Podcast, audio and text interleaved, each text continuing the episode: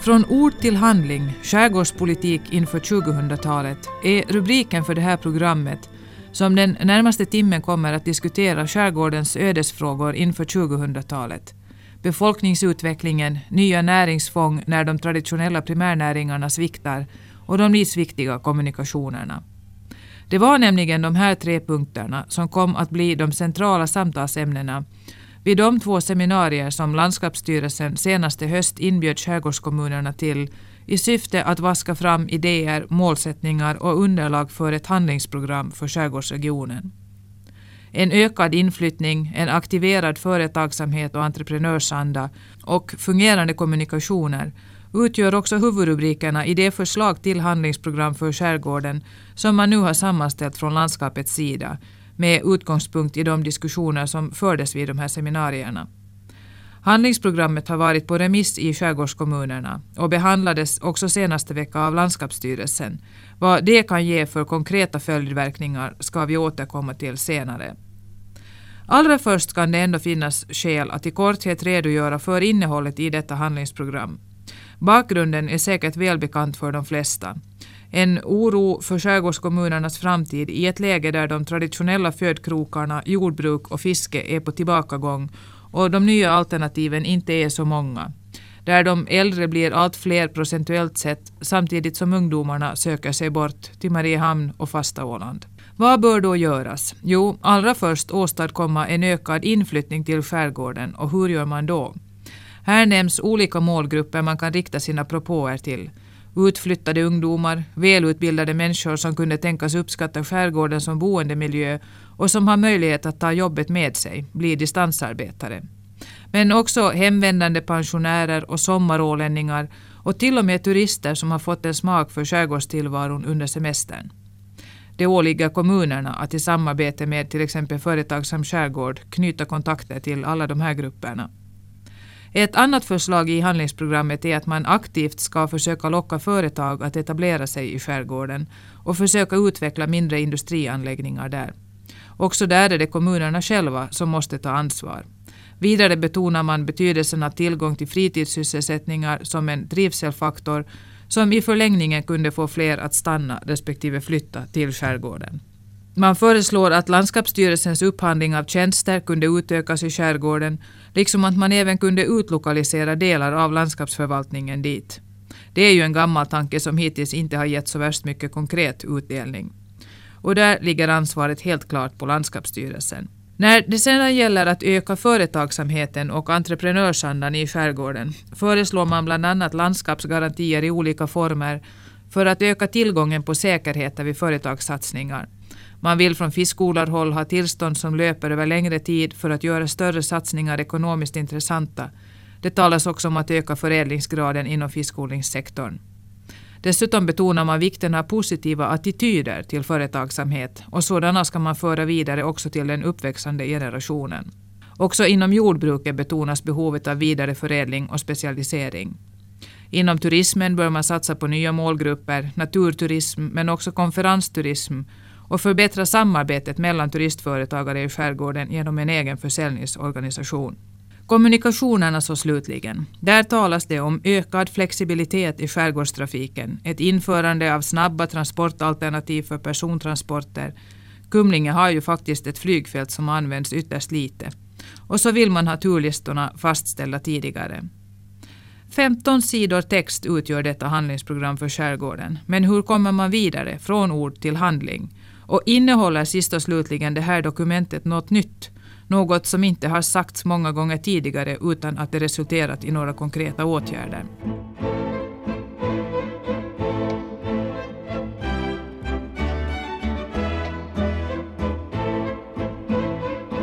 Jag har bett professor Erland Eklund vid Svenska social och kommunalhögskolan i Helsingfors läsa och kommentera programmet. Han har många års erfarenhet av liknande regionalpolitiska projekt och säger så här om det här arbetet. För det första är det ju bra att de har, försöker ha en sån där diskuterande grepp så att de försöker i samarbete med kommunerna i skärgården då komma framåt. Så det är väl det positiva. Sen eh, det andra ska vi väl säga som jag tycker då är lite svagare nog är det att man analysen av hur det nu riktigt är i skärgården med skärgårdens ekonomi, så den är nog väldigt svag. Man har inte riktigt underlag att diskutera så mycket och komma framåt tycker jag. Och med tanke på att man har ett bra utredningsinstitut till sitt förfogande så tror jag att man skulle kunna ta fram lite mera relevant bakgrundskunskap om ekonomin. Och eftersom man inte har gjort det så kommer förslagen också då att bli lite sådär lösrivna och hängande. Att man, det tycker jag sådär i allmänhet. Hur långt bakåt i tiden tycker du att man borde ha, ha analyserat den ekonomiska utvecklingen? Nu gör man väl mer eller mindre ett avstamp från 1980 åtminstone när man ser på befolkningssiffrorna.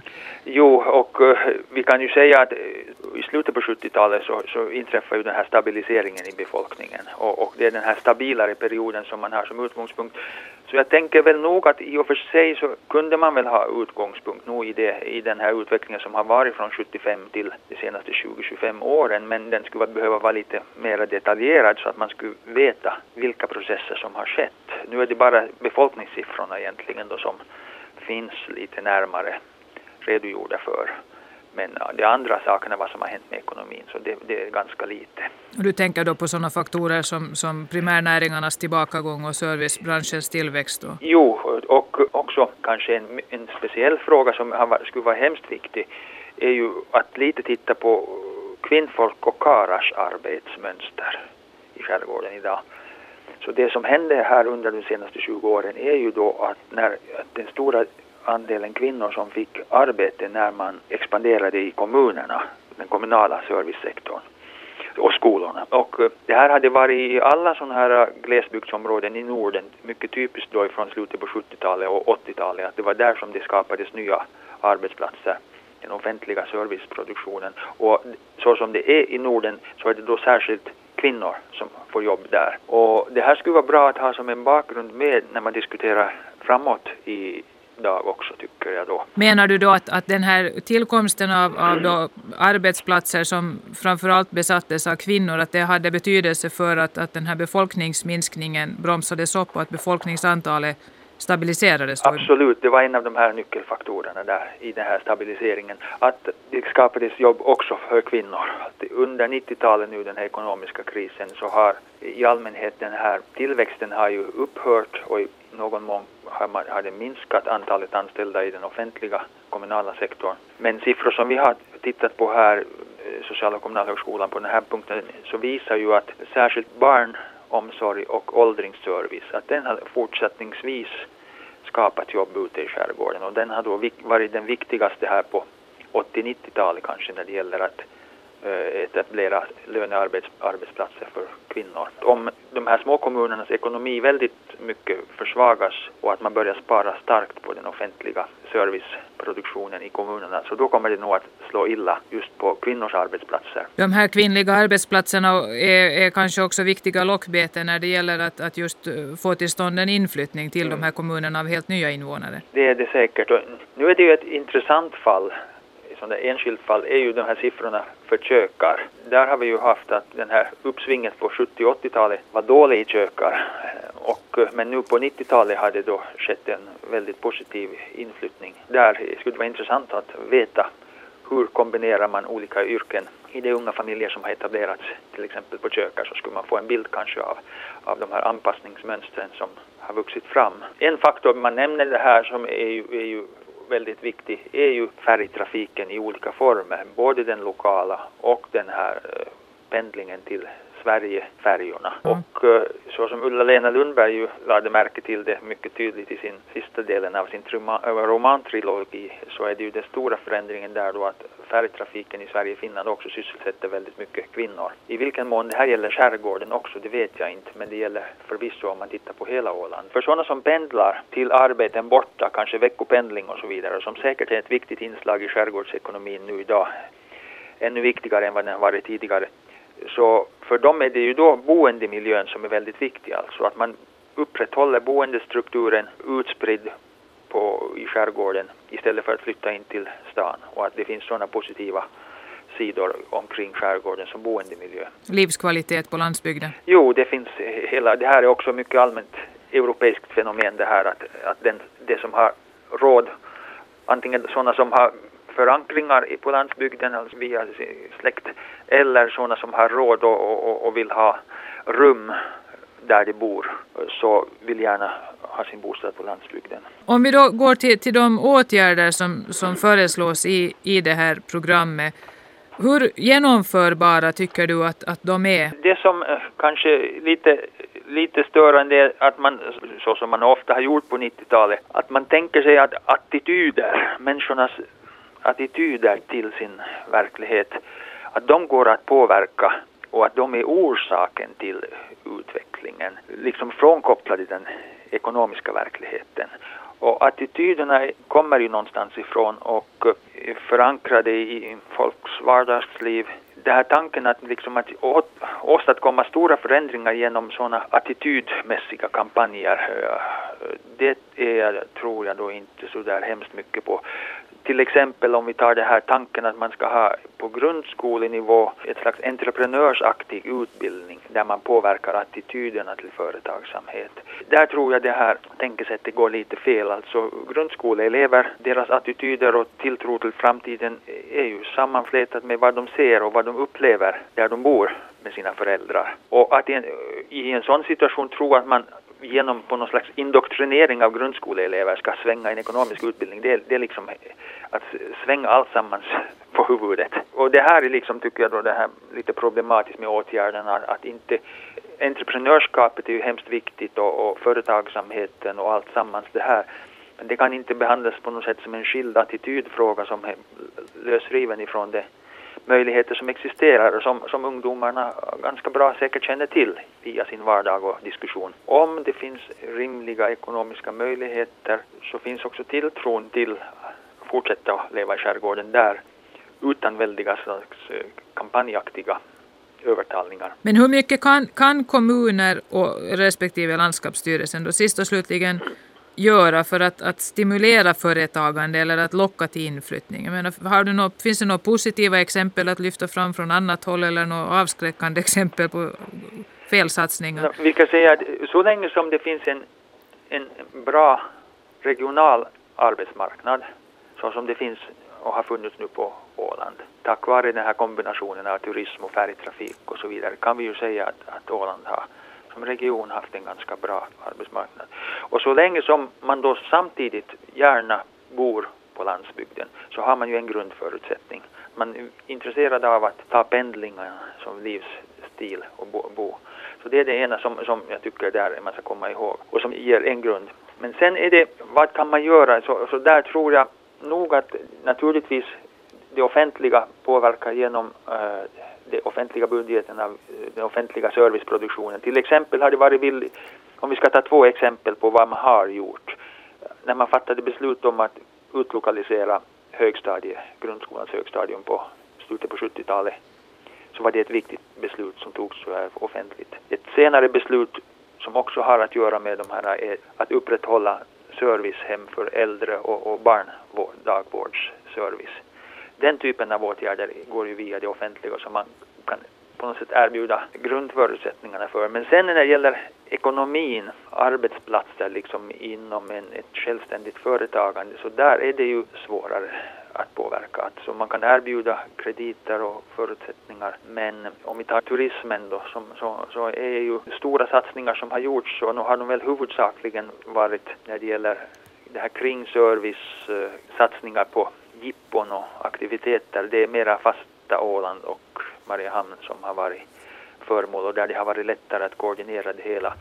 Och, och um, så att trots goda lån och bidragsvillkor till turistanläggningar till exempel som säkert har varit, har varit och är viktiga så finns det en, en hel del annan där runt omkring som inte är så lätt att hitta de riktiga lönsamma koncepterna i skärgården. En sak som ju idag är viktig i flera av kommunerna där är ju fiskodlingen och inte minst all den, ska vi säga, transportarbete som görs runt omkring fiskodlingen som eh, då i den mån som fiskodlingen bromsas så kommer det också att synas som, som eh, svårigheter inom transportbranschen. En viktig sida var ju på 70-talet och tidigare den här satsningarna på specialodlingar i skärgården. Då. Frågan är kan det ekonomiska alternativet föras vidare till nästa generation i skärgården? Eller har de yttre ekonomiska förutsättningarna för den verksamheten ändrats så mycket att skärgården har hamnat i, en svårare situation? Om den grenen av jordbruket också försvagas så måste vi ju tillstå då att det finns ganska lite inom primärnäringarna av det som traditionellt har hört till primärnäringarna som, som är ekonomiskt starkt. På den sidan så, så finns det nog skäl att verkligen diskutera då vilka är alternativen när det gäller ekonomin i anslutning till primärnäringarna i skärgården idag. Den här frågan om distansarbete med datateknologins hjälp och så vidare. Så det har man ju pratat länge om redan. Verkligheten hade varit svårare att åstadkomma någonting viktigt. Där tycker jag ju nog att landskapsstyrelsen och landskapet i olika former är ju en jättestor arbetsgivare. Och har man nu riktigt tänkt igenom möjligheterna att utlokalisera någon del, någon speciell del av landskapsförvaltningen till någon del av skärgården. Det har, har nog efterlysts mera konkret handling i det fallet från, från landskapsstyrelsens sida. Man tänker sig att, att, att det skulle kunna finnas något slag av skärgårdskontor som, som skulle kunna finnas i skärgården och som kunde göra olika saker, inte bara frågor kring skärgården utan också handha vissa uppgifter för landskapsstyrelsen. Om Silja Line kan ha sin bokning i Lappland eller så där så måste det ju kunna gå att ha ja. skärgårdstrafikens bokning någon annanstans än, mm. än i. Mariehamn. Du har sysslat med, med regionalpolitik i andra sammanhang har jag förstått. Om du jämför det här programmet då med, med motsvarande andra regionalpolitiska program, innehåller det här något ska vi säga, något nytänkande, något, an, något annorlunda grepp överhuvudtaget? Det, skulle, det har jag nog svårt att, att säga. Det som ju har präglat regionalpolitiken nu här på 90-talet sedan Finland blev EU-medlem har ju varit ganska starka försök till exempel att utnyttja det här LIDER-programmet, alltså lokal utveckling i, på landsbygden, där mm. man har gett generöst bidrag till, till också mycket små initiativ av olika slag och eh, jag antar att landskapsstyrelsen ungefär har motsvarande program. Jag vet inte om man ju riktigt ännu, ännu kan se att man skulle ha försökt satsa så mycket på den typen av, av utlokaliserade aktiviteter som det här lider i, på Åland som andra ställen. Naturligtvis också att Åland har befunnit sig i en lite bättre situation med en, med en ganska bra arbetsmarknad. Men åldersstrukturen är ju så i skärgården att man måste ha en kontinuerlig lite inflyttning av unga familjer hela tiden för att befolkningen ska hållas ungefär konstant. I allmänhet så säger man ju att, att landsbygden att man pekar hela tiden på turismen som en väg framåt. Men det är också ofta blandat då med önsketänkande att turismen automatiskt ska kunna ersätta eh, det som går förlorat inom primärnäringarna. Att det, det är ju väldigt svårt att, att generellt säga att eh, vilka sidor av landsbygdens turistprogram som, som är bärkraftiga på sikt och vilka saker då som är, är sådana dagsläntor. Vi har ju också då en, en den här stuglivsturismen, alltså sommarstugorna och, och, deras roll. Så vi har ju i Finland de här stora årsklasserna från födda i slutet på 40-talet. Många av dem har rötter på landsbygden och det har spekulerats en hel del om då, om de är sen villiga och intresserade av att tillbringa en större del av året i sina stugor som pensionärer. Och om vi tänker oss att en större del av de som har stugor och, och är intresserade av, av eh, landsbygds och skärgårdsliv till exempel skulle bo sju månader i året i, i sina stugor. Så eh, det skulle naturligtvis betyda en hel del ekonomiskt och skärgårdsdelegationen på fastlandet har då för första gången ska vi säga skrivit ett positivt program omkring sommarstugmänniskornas möjlighet att, att de ska bo en större del av året i, på landsbygden och ge en ekonomisk viktig injektion dit. Jo. Vi har ju hela, vi på Åland hela den här skärgårdsgenerationen som, som nästan kan man säga som på 50, eh, början av 60-talet for iväg till Sverige. Och eh, i så fall så har ju kommunerna en viktig roll här faktiskt och se till att de har en service och kan erbjuda en service och, och kanske sälja tjänster till en befolkning då som, som är äldre. Att det, det har lite varit fångna av den här tanken att äldre människor bara är en belastning för kommunernas ekonomier istället för att se på dem som, som viktiga resurser.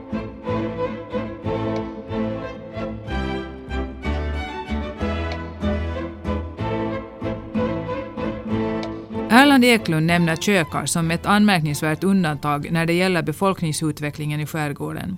Där pekar kurvan uppåt och den stora andelen äldre uppvägs allt mer av en veritabel babyboom. Blotta existensen av en fungerande samhällsservice verkar ha varit en vitamininjektion som ingjutit framtidstro i de unga familjerna på Kökar. Daghemmet Barnängen på Kökar är idag överfullt, berättar föreståndaren där, Madeleine Ahlgren. Vi har 23 inskrivna för tillfället och en kommer sluta till hösten och börja skolan och de andra, eller får vi två nya till hösten. Så 24 barn sammanlagt. Hur många barn är det här dagiset byggt för egentligen? 20 barn är det byggt för. Så ni, ni har överinskrivning? Ja, det är det. Mm. Det är väl inte särskilt gammalt det här daghemmet? Allting ser väldigt nytt och fint ut. Jo, det är väl fyra, fem år gammalt. Och när, när det började planeras så ansåg man att 20 platser var ungefär lämpligt eller? Ja, först tyckte man att det var för mycket barn. Att vi skulle hitta alla de barnen. Men att nu ser man att det är behov av dagis på kökar. Det finns mycket barn. Är det, är det heldagsbarn då, de här 23 som ni har här? Eller? Ja, det är både heldagsbarn och halvdagsbarn. Mm. Och åldersmässigt alltifrån ett år? Från två år till sex år är det. Men att sen om det är några skolbarn som vill komma så är de också välkomna före skolan och efter skolan som EFTIS verksamhet. Men hur fungerar det då? Får de åka skolskjuts då? För ja. det ligger ju i en annan by. Ja, de åker skoltaxen hit i så fall. Mm. Men det här är då den enda dagvårdsform som finns på Kökar idag? Att det finns inte därutöver då familjedagvårdare till exempel? Nej, utan det här är enda dagvårdsformen som finns i dagsläget. Hur mycket personal är ni här då? Vi är fyra stycken. Så det är två som jobbar heltid och två deltid. Det här att ni har så mycket barn, det är väl ett, ett tecken på framtidstro på Kökar? Ja, det är väl väldigt positivt. Nu går vi på stadspromenad. Och nu kommer här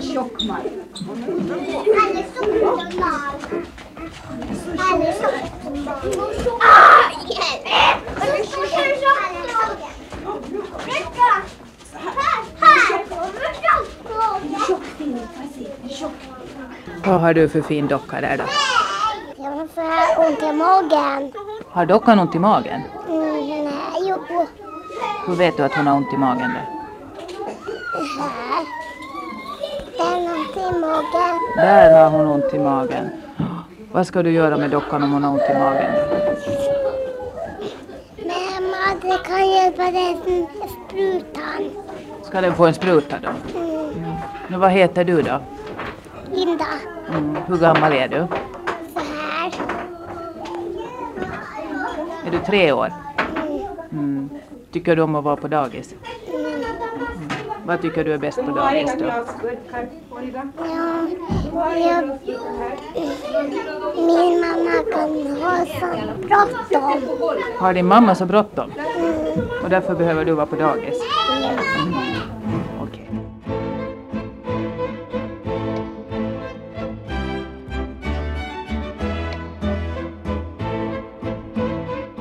Fungerande kommunikationer är ett i högsta grad påtagligt behov för kökar och turistnäringen där. Kampen om MS Eidern som tilläggskapacitet på den södra linjen handlar för turistföretagarnas del om kundunderlagets möjlighet att ta sig till de anläggningar som har byggts upp med stöd från landskapets sida, konstaterar Gunnar Sundström, turistföretagare men också trafiknämndens ordförande i Kökar. Ska man se på realiteten och det verkliga behovet så bör man inse att, att vi borde få tillägg på sommaren av Eiden. Vi kan ju jämföra nu södra linjens anlöp i Galtby. Vintertid är det ungefär ett och sommartid så har vi ungefär två anlöp. Mot norra linjen står vintertid fem och sommartid sex anlöp i Osnäs. Mm. Och den här södra linjen är mycket viktig för turistnäringen eftersom en stor del av ert kundunderlag kommer österifrån. Ja, vi kan ju titta på Kökars utveckling. För i Hufvudstadsbladet togs vi för ett halvår upp som den skärgårdskommun i Finland som är den enda som går uppåt i, i statistiken. Och det, det, handlar om barn, det handlar om inkomster. Eh, jag vågar påstå att vi är den turistintensivaste kommunen på Åland idag. Och att vi som lever av turismen ska ha enbart två turer till 80 procent av vår marknad, det är på tok för lite. Dessutom hälften av de här turerna, de här alla två turerna, så är på mycket, mycket obekväm tid, alltså 6.30 från Galtby, ska man starta från Tammerfors eller Helsingfors så det är ju mitt i natten. No, men det, det kommer inte folk då. Vad hoppas du att, att ska hända nu? Jag hoppas ju att man... Jag kan, jag kan ta ett exempel. Vi hade en man här nu, han måste in på grund av sin sjukdom till Mariehamn två gånger per vecka. Han skulle boka bilen sin, att han slipper in på, på morgonen och tillbaka 16.00 nu då. Fram till juli så var det två gånger han skulle komma, kunna åka på det viset. Och det här är ju inte bara ett turistproblem, utan det är ju ett problem också för hela lokalbefolkningen. När man fram till juli nu inte kan boka mer än två gånger om man ska åka två gånger per vecka. Så det visar ju att redan nu är allting fullbokat. Mm. Och det är ju de här, just de här känsliga galtbyturerna då när till exempel turisterna ska också börja boka. För det är ju nu som paketresorna också börjar bokas. Om färjorna är fullbokade redan nu, hur ska vi då kunna få ut någonting?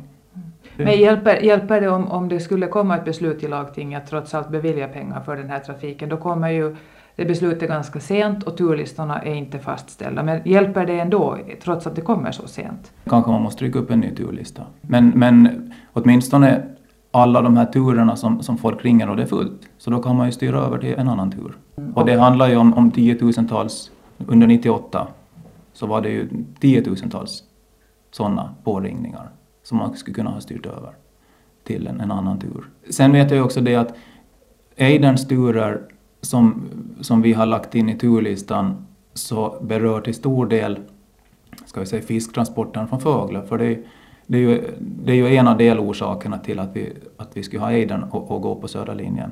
Då styrs den trafiken över till vissa dagar då till Eiderns turer, helt automatiskt. Och då friläggs ju den, den andra turen så att säga, som finns idag i turlistan. Så på det sättet så går det automatiskt det här. Men det ger ju inte rimligare avgångstider från Galtby för turisterna. Om, om man styr över turisterna så att säga till den befint, det befintliga tonnaget och sätter fisktransporterna på Eiden. Jo, men med Eiden så har vi ändå en, då, då får vi en avgång 15-15 från Galtby alla veckodagar. Mm. Och det, det, är ju, det är ju det som vi behöver ha.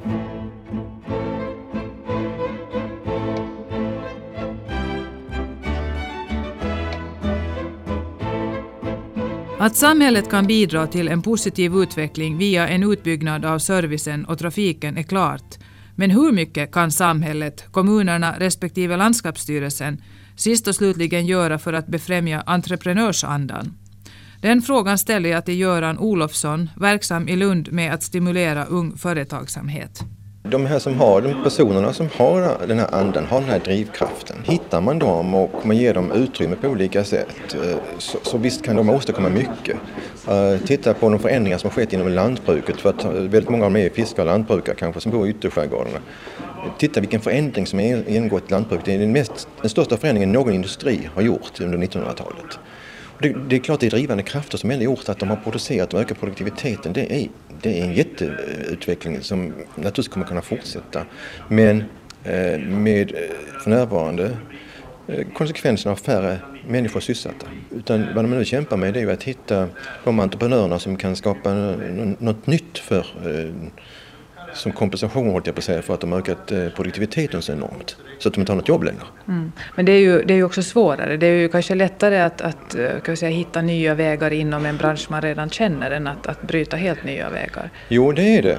Eh, men samtidigt så finns det ju en tendens också i samhället, att, eller i industrin, att man använder, man lägger ut arbete. Jag har bott exempelvis i USA några år där det är väldigt, vissa industrier, de använder då personer ute i olika byar. De kör ut med material på morgnarna, de kör hämtade och färdiga på kvällen och, eh, eller vid viss tidpunkt. Och då har man lokalt eh, någonstans gjort, genomfört vissa, vissa åtgärder, skruvat ihop någonting eller gjort någonting. Så att eh, det finns ju en, en, möjlighet också att sprida ut arbete från, från de industrier som finns. Mm. Men där kommer alltid transportkostnader sen som ett aber i ja, kanten. Ja, men transportkostnader är trots allt ganska små jämfört med många andra kostnader. Så, mm. så att eh, ofta så står ju den, den eh, om det nu är lantbrukaren eller vem det är, man står ju oftast för sina egna lokalkostnader som mycket väl ibland kompenserar för eh, transportkostnader. Mm. Så, så, att, eh, men sen tror jag också att det behövs eh, att man hittar därför som jag pratar väldigt mycket om profilering så att man inom en slags plattform kan åstadkomma någonting som hör ihop, liksom man blir ensam att marknadsföra någonting internationellt om det nu är någon ny finess på fisket eller något annat som man gör. Det, om du inte det hör hemma utan man ska dra hela lasset själv då, då klarar man det väldigt dåligt. Mm. Så därför så, så, så, är det väldigt viktigt att eh, man känner att man tillhör någon slags ska jag säga, eh, om inte kollektiv så åtminstone någonting där man får gehör sina idéer, där man kan kanalisera sina idéer men också kanalisera sina resultat. Kan eh, ska vi säga, samhället, kommunen eller landskapsstyrelsen i det åländska fallet då, på något vis göra något för att, att locka fram de här jag tror att man eh, genom att arbeta, för det första hitta de entreprenörerna, de skapar ju oerhört mycket själv, det är därför man är entreprenör. Så det är inte mycket som en samhälle kan, kan skapa. Samhället kan försöka att hitta dem och hjälpa dem på vägen så att säga. Sen kan man kanske ur viss kommun försöka hjälpa till att skapa en profil. tror jag nämnde Gnosjö. Gnosjö har skapat, eh, kanske inte av inte offentliga, men det har skapats en profil på platsen. Och det har hjälpt otroligt många eh, mindre företag i den regionen. Mm. Så det, det, går, det finns många exempel. Det finns i norra Italien en, en, annan by som också fungerar på samma sätt där man under många år byggt på i en viss riktning där nya företag blommar upp hela tiden inom en, en, en, viss, ska säga, en viss paraply. Men är det då driftiga enskilda entreprenörer som har satt igång den här processen? Oftast är det ju så. Eh, I kombination kanske. Det är ett antal som har träffats och, och, och om eh, vi tar Gnosjö så har man gjort på det sättet. Men, eh, och det, det, gör det klart att man bor glest som man gör kanske i Ålands skärgård så är det kanske inte lika lätt men visst har de kontakt med varandra. Visst är det fantastiskt att höra två entreprenörer träffas även om de har kanske långt fysiskt avstånd men de har liknande drivkrafter, de tänker väldigt liknande i många avseenden. Så att skaffa träffpunkter mellan personer med de här drivkrafterna kan åstadkomma mycket i sig själv. Mm. Men samtidigt den, den säga, prototyp eh, som du tecknar här ja. av entreprenör, det var ju inte precis en social person som i första hand springer ut och delar med sig av sina idéer. Nej, därför måste han ha, han behöver ha någonstans att komma, där han är välkommen.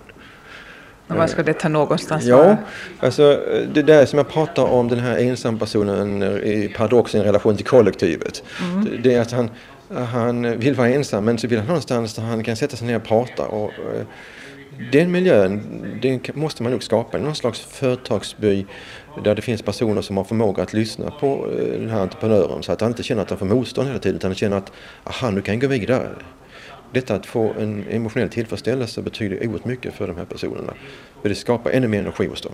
Att de fick ett positivt gehör. Då ökar deras energi och så fortsätter de. Och eh, därför så tror jag nog att man, eh, det finns ju då olika samhällen eller olika kommuner som har faktiskt lyckats att få, att skapa sådana miljöer.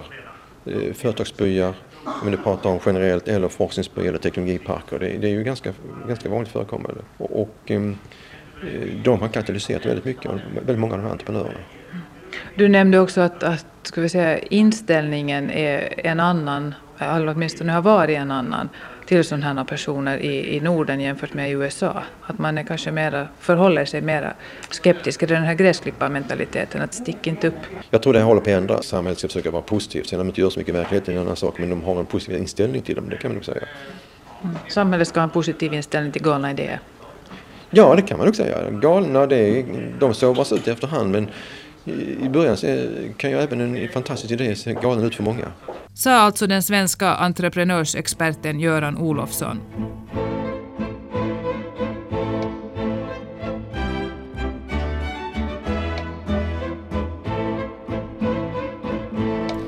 Förslaget till handlingsprogram har nu varit på remissrunda i alla sex skärgårdskommuner och mottagandet där varierar liksom överlag kommunernas aktivitet vad gäller att gå vidare och göra upp egna handlingsprogram utgående från det gemensamma ramarbete som har gjorts.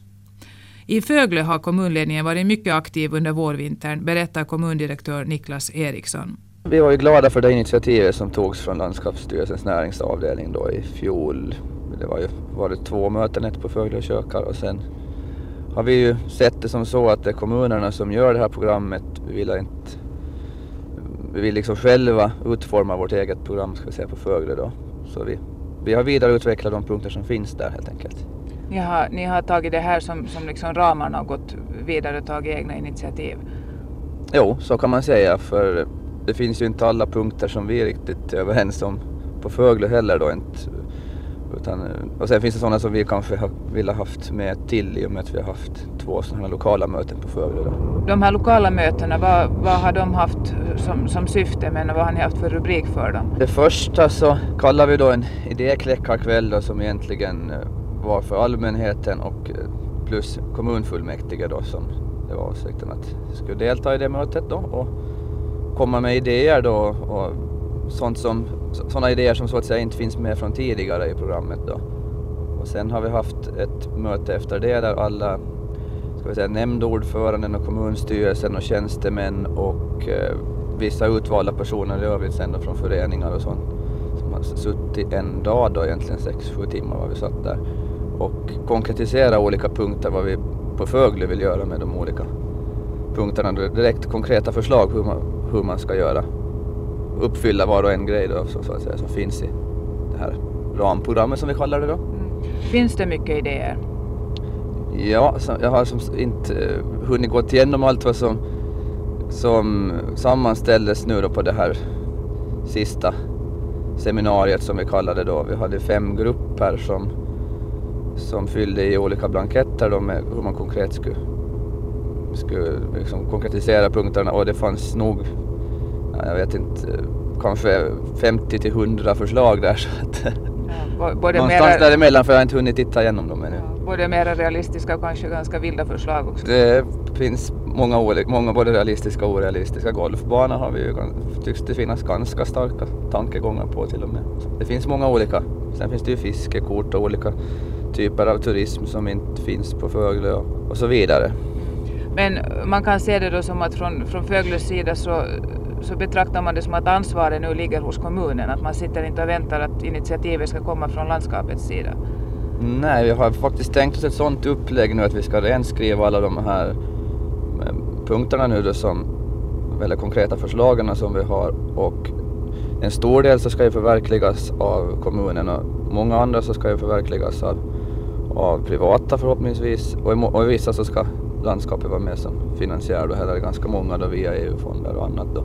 Så vi, kommer, vi tar det liksom från kommunens nu att vi gör det färdigt eh, någon gång under sommaren och sen kommer vi att presentera det då för landskapsstyrelsen liksom från vår sida. Hoppas på att de liksom sen kan omfatta det mesta som vi, vi, vi har där då. Och det här blir någon gång efter sommaren sa du? Sen drar valrörelsen igång. Är det positivt eller negativt i sammanhanget? Ja, det är väl naturligtvis både och kanske för att det är klart att det finns ett större, kan, kan det finnas större möjlighet att få gehör men å andra sidan så kan det ju vara en ny landskapsstyrelse sen som ska vara med och förverkliga det så att man, men vi ser det ju inte så för att eh, vi tror inte att vi har så väldigt mycket så kontroversiella förslag utan det kan ju finnas sådana som kan vara lite kostsamma kanske att det, det krävs för i nästan alla förslag ska vi säga för det första så krävs det ju att privata också är intresserade och, och sen att landskapsfinansiering finns med också som en del då. Det sa kommundirektör Niklas Eriksson i Föglö. På Kökar har man ännu inte dragit igång några egna initiativ. Man har haft fullt upp med att försöka lösa sina trafikproblem, konstaterar kommundirektör Kurt Forsman.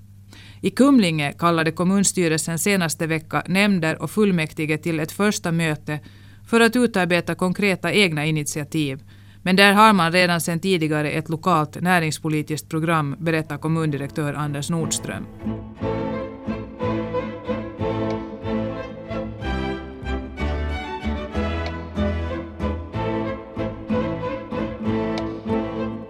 Förslaget till handlingsprogram för skärgården har alltså varit på remissrunda i de sex skärgårdskommunerna och behandlades senaste vecka också i landskapsstyrelsen.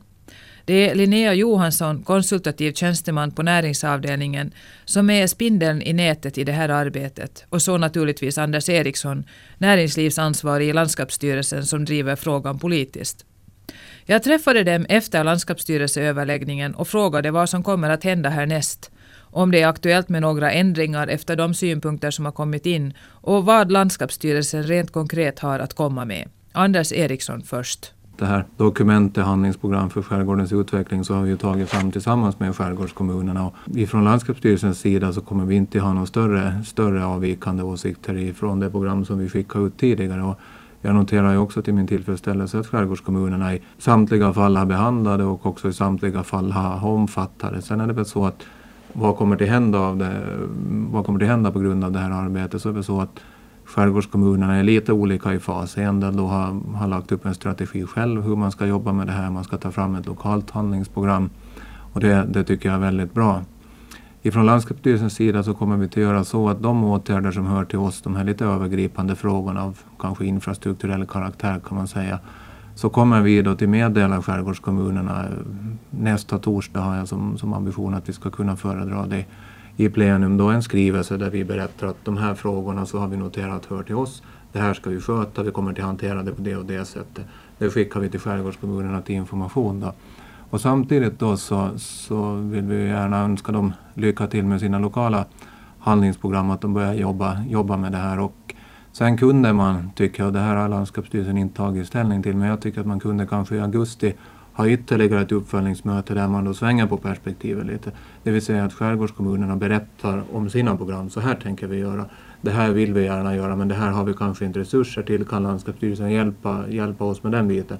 Att vi lite skulle svänga på det. För som det har varit hittills nu så är det ju vi som mycket har stått mm. för, för eh, informationen för, för de olika inläggen och har försöka, försöka inspirera lite. Men om man lite kunde svänga på den här biten så du sa att, att samtliga skärgårdskommuner har behandlat det här programmet och eh, då kommit med någon slags synpunkter. Är du tillfreds med den respons du har fått hittills? Jag menar, i, då, i höstas när det här mötet på Kökar hölls så var du ju inte alldeles nöjd med hur aktiva skärgårdskommunerna själva var. Jag vill inte uttala mig om den frågan för jag tror att det är bra att man driver det här vidare i så god anda som möjligt. Och visst, visst var det så att uh, ute på Kökars så var jag väl ganska rakt på sak och jag står fortfarande för den åsikten att om man tror ute i skärgården att någon politiker eller tjänsteman i Mariehamn kan sköta skärgårdens utveckling bättre än vad man kan göra själv så då är man väldigt illa ute. Det, det var det som, som var mitt budskap på Kökar och, och den åsikten står jag kvar vid. Men som sagt var att jag, jag tycker att man från skärgårdskommunernas sida har, har tagit sig an det här programmet bra. Visst har man gjort det på varierande sätt men man har tagit, tagit sig an det här bra och, och nu kommer man till jobba själv då.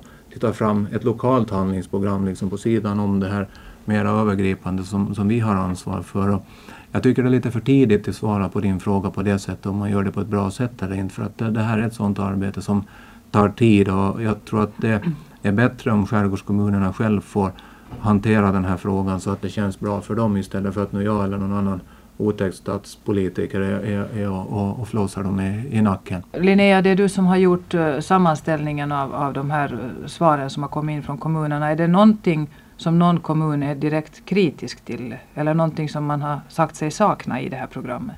Nej, det ska jag inte säga och det beror ju naturligtvis på att det är skärgårdskommunernas egna förslag som återfinns här. Vissa kommunerna har då vidareutvecklat vissa av de här åtgärderna och det är ju väldigt bra. Tanken är att de ska göra på det sättet att de anpassar det till sina egna förhållanden. Jag kan inte påminna mig om att det är något som direkt saknas men de frågor som, som kanske är viktigast och svårast att, att hitta några kortsiktiga lösningar som tillfredsställer alla parter så det är ju egentligen de här kommunikationsfrågorna. Där, där är det större och långsiktigare frågor som, som också är svåra politiskt att, att lösa så att alla är ense. Det har vi ju sannerligen hört och sett under de här senaste mm. veckorna. Och jag har förstått Anders så var du inte med på det sammanträde där man strök tilläggsans eller anslag i tilläggsbudgeten för trafikmejdern. Är det korrekt? Uh, nej, det är nog inte korrekt. Man måste ta, ta ansvar för sina handlingar. Jag, jag var med när vi diskuterade i, i landskapsstyrelsen och jag hör väl ändå till de som tycker att, att man borde lägga in tilläggskapacitet på den södra linjen. Det, det sticker jag inte under stol med. Men som det var nu så var ju framförhållningen tyvärr väldigt dålig. Och skulle vi nu ha börjat gått ut och, och göra någonting så har vi ju knappt, vi har med nöd och näppe fått igång själva trafiken fram till den hög, turisthögsäsong då som står för dörren. Men ingen har kunnat gjort några marknadsföringsinsatser på förhand här under vinterhalvåret. Det fanns inga turlistor i sedvanlig ordning som skulle berätta om, om att den här tilläggstrafiken finns faktiskt. Så jag måste säga ärligt att jag var med och, och förorda att man inte nu skulle dra igång det här utan att man skulle spara den här en och en halv miljonen. För jag tror personligen att det blivit en sån lösning som inte har varit bra för landskapsstyrelsen och den har inte heller varit bra för skärgårdskommunerna. Eller för, för de på södra linjen. För de som är kritiska till det här och tycker att det här behövs inte, det här är slöseri med pengar. Så har ganska enkelt kunnat stått och sagt att vad var det vi sa? Det blev ju ingen beläggning överhuvudtaget på det här. Så mitt råd när det gäller den här frågan det är det att man ska förbereda det nu i god tid ha lite framförhållning från trafikavdelningens sida och se till att det här finns med i turlistor, se till att man kan marknadsföra det här alternativet och att den här tilläggskapaciteten kan skötas så bra och billigt som möjligt, det vill säga i privat drift. I privat drift? Yes. Du kan inte tänka dig att, att den sköts i landskapets regi? Det är mycket som man tycker och tänker men som inte blir ändå som man tycker och tänker. Så jag tycker det är för starkt att säga att jag inte kan tänka mig att den skulle skötas i, i landskapets drift. Men det är ju ändå så att det här är ju en tilläggstrafik. Det är alltså ett nytt kostnadsområde som vi öppnar. Och öppnar vi ett nytt kostnadsområde så tycker jag att vi, vi bör driva det så ekonomiskt som möjligt. Det är ingen tröskelfråga men den är viktig för mig. I de överläggningar som ni har haft eh, i landskapsstyrelsen om det här programmet, finns det, eh, kommer det att finnas några ska vi säga, konkreta utfästelser, någonting konkret som landskapsstyrelsen gör i, i, i den anda som det här handlingsprogrammet förespråkar? Och det finns ju ganska många punkter när det gäller den här utlokaliseringen av arbetsplatser som ju kommer fram i kommunernas svar och som också finns med i programmet så har ju vi, har vi en extern konsult som har jobbat med det här åt oss. Tyvärr får jag väl lov att säga att det blev inte riktigt vad vi tänkte oss. Vi har lite hamnat i diket med det där projektet men vi får ju se till att vi kommer upp på vägen igen så fort som möjligt och att vi med, med interna krafter nu ser, ser till att, att det händer någonting. Det som också har pekats på i skärgårdskommunernas svar att det här med tillgången på säkerheter för, för eh, företagssatsningar så är någonting som man borde göra någonting åt.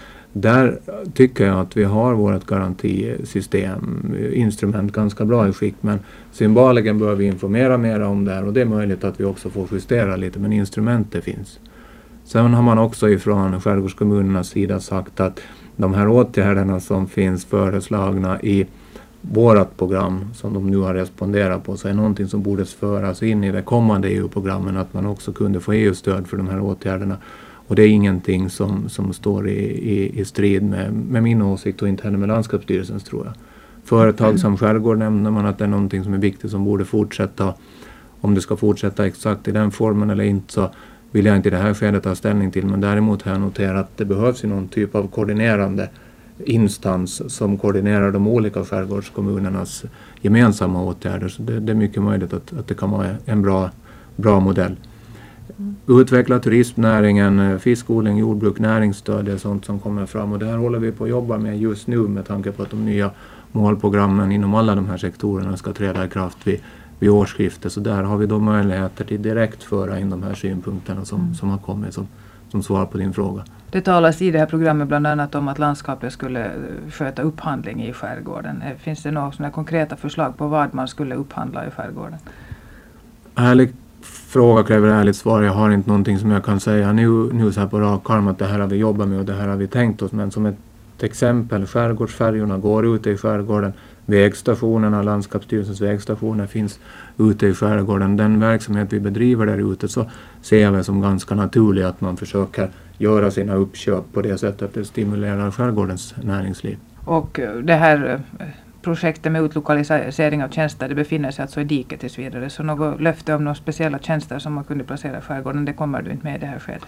Jag skulle säga speciella tjänster, alltså att, att vi tar personer här ifrån korridoren och flyttar ut i skärgården men däremot speciella arbetsuppgifter. Det, det har diskuterats om, om eh, jaktlicenserna, det finns uppföljning av olika näringsstöd av de här programmen. Vi har jordbruksstöden, fiskestöden och all statistik som ska göras till EU. Så det finns de facto ganska mycket. Det vi behöver göra är, är vi kan med ganska kort varsel dra ner en lista att det här är arbetsuppgifter som vi behöver ha extra resurser för att klara av. Vi tar gärna de extra resurserna från skärgården. Men då behöver vi veta att den kompetensen finns där ute. Och det ser jag som en ganska viktig arbetsuppgift då för företag som skärgård just att göra den här inventeringen av de kompetenser som finns där ute och också ha olika åtgärder för att höja kompetensen i de fall som de inte finns. Så sammantaget tror jag nog att man ska kunna få ihop det här ganska bra. Som rubrik för det här programmet hade jag valt Från ord till handling, skärgårdspolitik inför 2000-talet. Och som det här programmet har utvisat är det förvisso till stora delar alltjämt långt från just ord till handling. Men för att handlingarna ska vara meningsfulla är det viktigt att problemställningarna först har klarlagts, att man vet hur man ska handla och varför. Och till den delen kan man otvivelaktigt säga att skärgården är en bit på väg i och med det arbete som ligger till grund för handlingsprogrammet.